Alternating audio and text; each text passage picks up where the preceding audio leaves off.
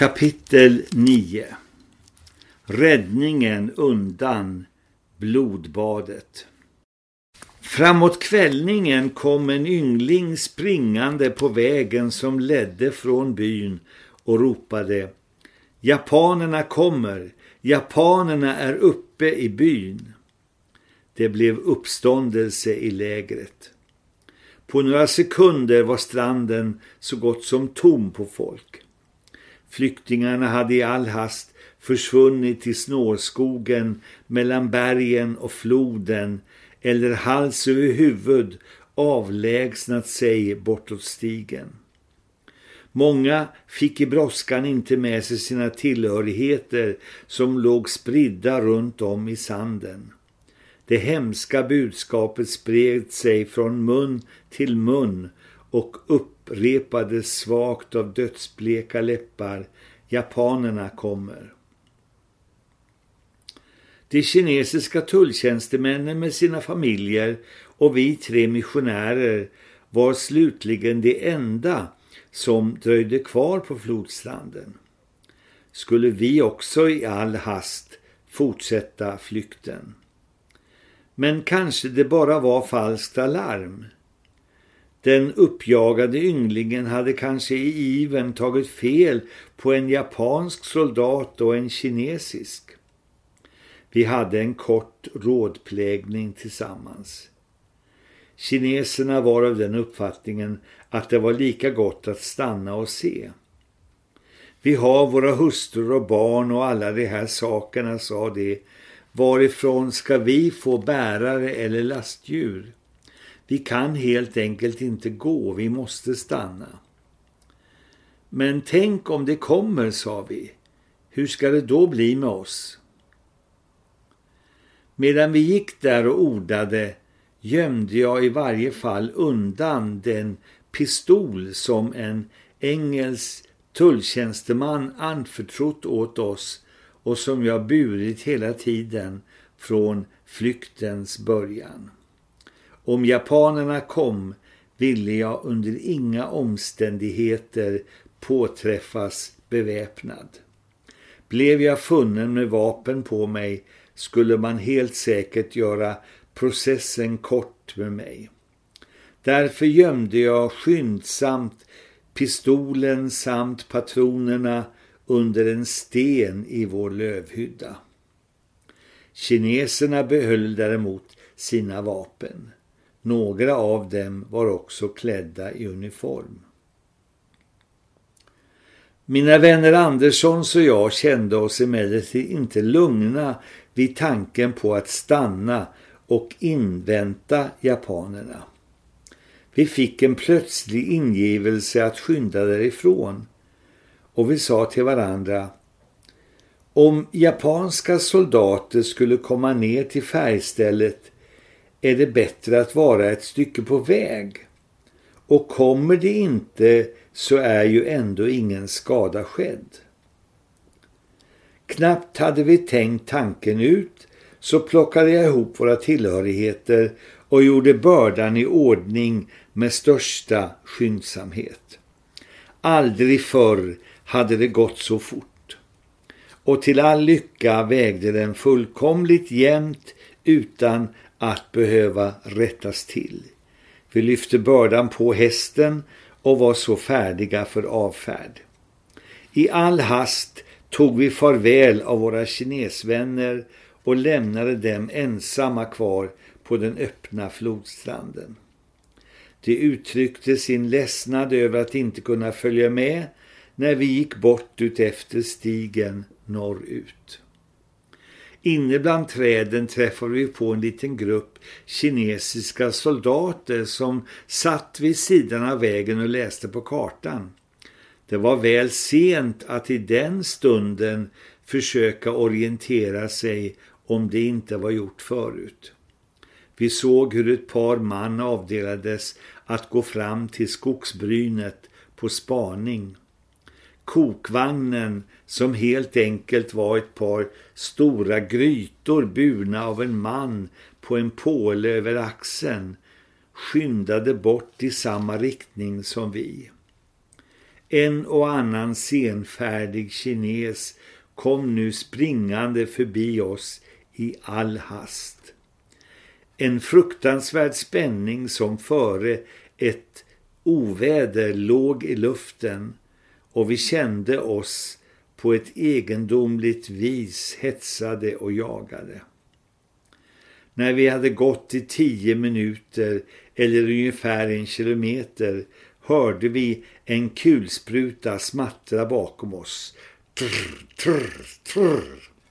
Japanerna var alltså framme och besköt färgstället med lägret där vi nyss varit. Gripna av ångest skyndade vi på våra steg. Fru Andersson försökte rida på sin häst och satte sig högt upp på bäddkläderna som låg fastbundna på sadeln men dessa åkte på sned och fru Andersson gled av. Nästan matt av spänning och ångest måste hon försöka gå till fots och halvspringa. De kinesiska soldaterna som vi hade sett kom springande i vild oordning med gevären på axeln. Deras ögon var vidöppna av förskräckelse och i sin iver att komma undan var de nära att springa på oss. Jag drev på packhästen det mesta jag förmådde. Hur vi än skyndade på tyckte jag att det gick långsamt fram. Hästarna var tröga och istadiga och tycktes inte vilja gå med på detta uppdrivna marschtempo. Vi fruktade att japanerna skulle förfölja de kinesiska soldaterna och så få syn på oss. Vilken minut som helst väntade vi att få höra kulorna vina och tjuta om öronen på oss. Hela vår åstundan var att träffa ett sidospår som ledde oss bort från den större stigen. Men till höger om oss hade vi den vilt brusande floden och till vänster en brant sluttning där man inte kunde tänka på att finna något gömställe under de förföljandes blickar. Vi hade endast att fortsätta stigen fram, allt under det att oron och ångesten tilltog.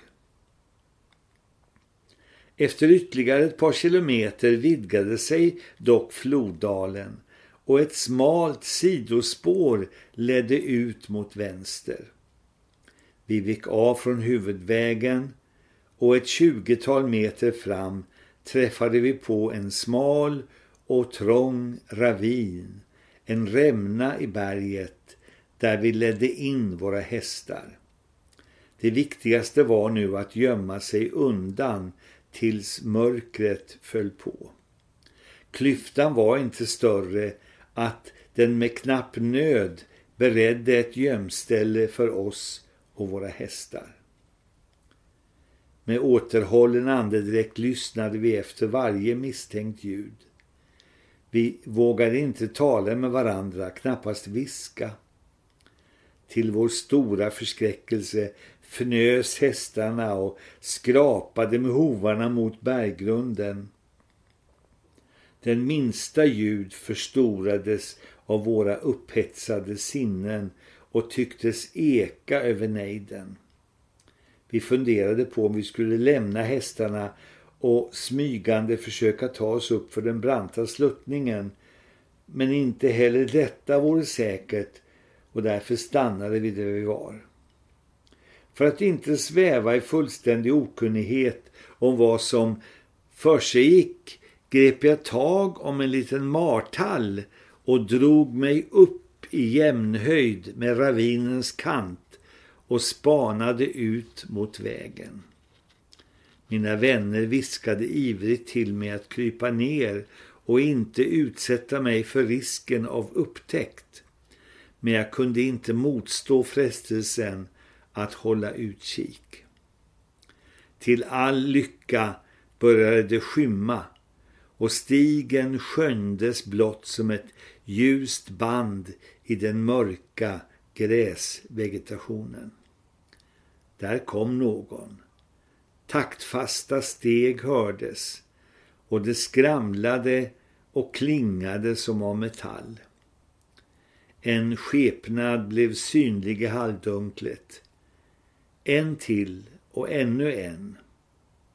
En avdelning soldater kom marscherande på stigen och närmade sig den plats där vi var. Var det vän eller fiende? Skulle de välja den smala stig som förde förbi vårt gömställe eller fortsätta längs huvudvägen? Skepnaderna blev större och framträdde tydligare. Jag kände ett ryck i min rock och min vän Evert gjorde tecken åt mig att komma ner. Jag gjorde en avböjande rörelse med handen och fortsatte att med blicken söka genomtränga mörkret som tätnade mer och mer. Ah, vilken lättnad! Soldaterna följde huvudstigen. Deras marschsätt och utrustning, de hade ränslar med verktyg, gjorde klart för mig att det var japanska soldater som tågade förbi. Bara ett trettiotal steg ifrån oss. Nu hade vi alltså fiender både framför oss och bakom oss. Den enda vägen till räddning norrut längs floden blev nu kanske spärrad. Hur skulle vi handla? Vårt beslut var att stanna där vi var tills det blev fullständigt mörkt och tyst omkring oss. Då skulle vi försöka flytta oss längre bort från vägen för att vara säkra på att undgå upptäckt. Medan vi väntade kröp vi upp och satte oss i det höga gräset under en tall. Allt var dödstyst omkring oss. Vi kunde höra våra egna hjärtans slag. Inget ljus syntes till så långt ögat kunde nå. Mörkret och tystnaden omslöt oss och kom oss att känna oss uppslukade av ett stort tomrum. Vi kände oss fruktansvärt ensamma och övergivna i den stunden. Ett par timmar satt vi där och tummade på det torra gräset och hängav oss åt dystra och sorgtunga tankar. Då klockan närmade sig tio vågade vi oss ut på stigen och ledde försiktigt hästarna fram genom mörkret. Snart stötte vi på ett vilt brusande strömdrag över vilken en smal spång ledde. Spången var för smal och för svag för hästarna och något vadställe kunde vi inte finna i mörkret.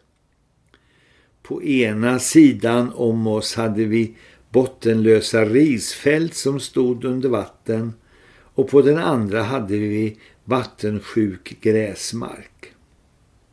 Den enda väg som var framkomlig var en senare och vi gick ett stycke bort från stigen. Där mellan en stor sten och några buskar beslutade vi övernatta under bar himmel. Vi lät hästarna gå och beta mellan stenarna och gjorde utan hänsyn till risken upp en eld över vilken vi kokade vårt dricksvatten. Sen kröp vi ner i våra filtar och somnade lugnt under de himmelska härskarornas tindrande vakt. Innan solen ännu gått upp var vi vakna och undersökte i gryningen omgivningen och lyssnade spänt efter misstänkta ljud.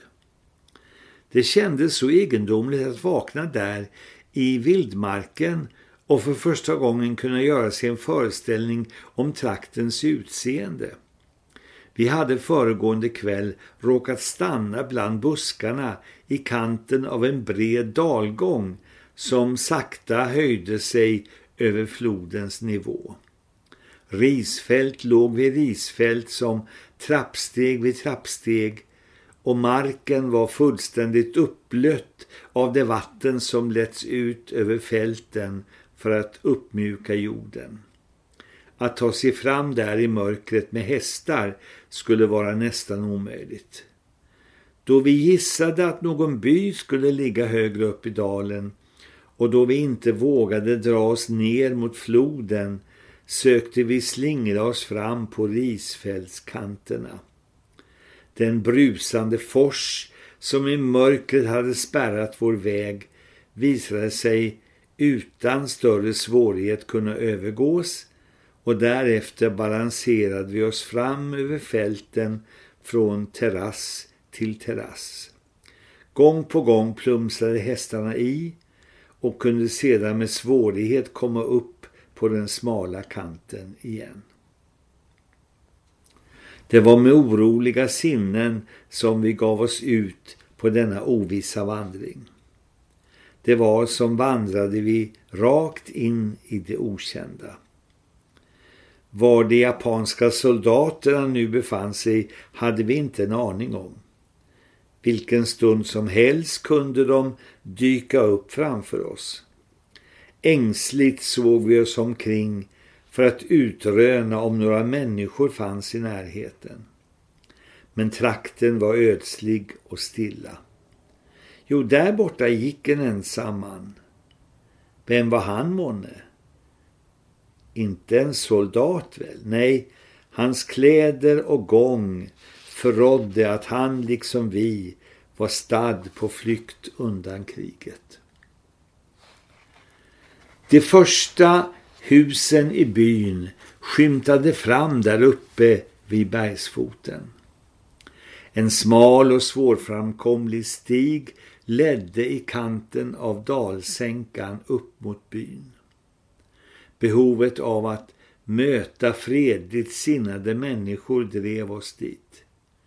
Vi kunde behöva skaffa oss ett och annat i matväg och även en del upplysningar om trakten och vägarna. Samtidigt som vi längtade efter att möta människor fruktade vi också att närma oss byn. Vem visste om inte japanerna redan hunnit dit och skulle ta emot oss med bajonetterna. Vi hoppades emellertid det bästa och gick vidare steg för steg och närmade oss långsamt byn. Ju närmare vi kom, desto större blev spänningen och det blev till slut nästan olidligt att sväva i denna okunnighet och ovisshet. Den första fråga vi ställde när vi mötte människor var har japanerna kommit hit? Nej, det hade de ännu inte varit synliga. Vi drog en lättnadens suck och bad om härberge som också beviljades oss. Där i kineshemmet sammanträffade vi med en man som föregående kväll varit nere vid färgstället strax efter japanernas ankomst. Den enklare ortsbefolkningen blev ju vanligtvis inte ofredad eller antastad av de japanska soldaterna. Mannens skildring av överfallet och tillståndet i lägret var skakande. De kinesiska tulltjänstemännen med familjer var ju kvar på den öppna flodstranden när fienden uppenbarade sig. Något tillfälle till flykt gavs inte då kulsprutan genast började spela. Med vanlig grymhet och råhet hade man överfallit de uniformsklädda männen. Några av dem var ju också beväpnade. Med obeskrivlig bestialitet hade soldaterna stött bajonetten i dem och somliga låg där döda på flodstranden, andra döende. Kvinnorna sparades för soldaternas räkning. En av de unga kvinnorna hade tagit sina två små barn och slungat dem i den brusande floden och därefter själv sprungit i det vilda vattnet medan hennes man där bredvid på stranden blev misshandlad och dödad av Nippons söner. Hon och barnen fördes bort av floden medan makens hjärteblod flöt ut genom gapande bajonettsår.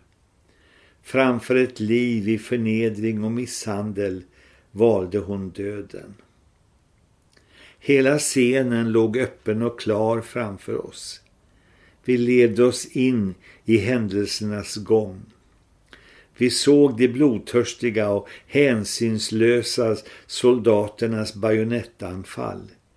Vi liksom hörde hur bajonetten trängde sig in mellan rebenen och förnam dunsen då kroppen som sparkades loss föll tungt mot marken.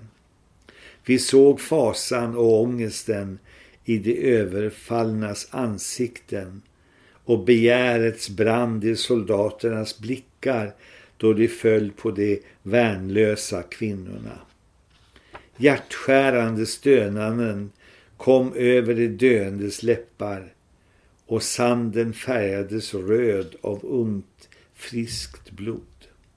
Så la natten sin mörka hand över dödslägret vid floden och dolde för dagens öga den fasansfulla scen då lustarna fritt släpptes lösa och luften mättades av brånad och mod.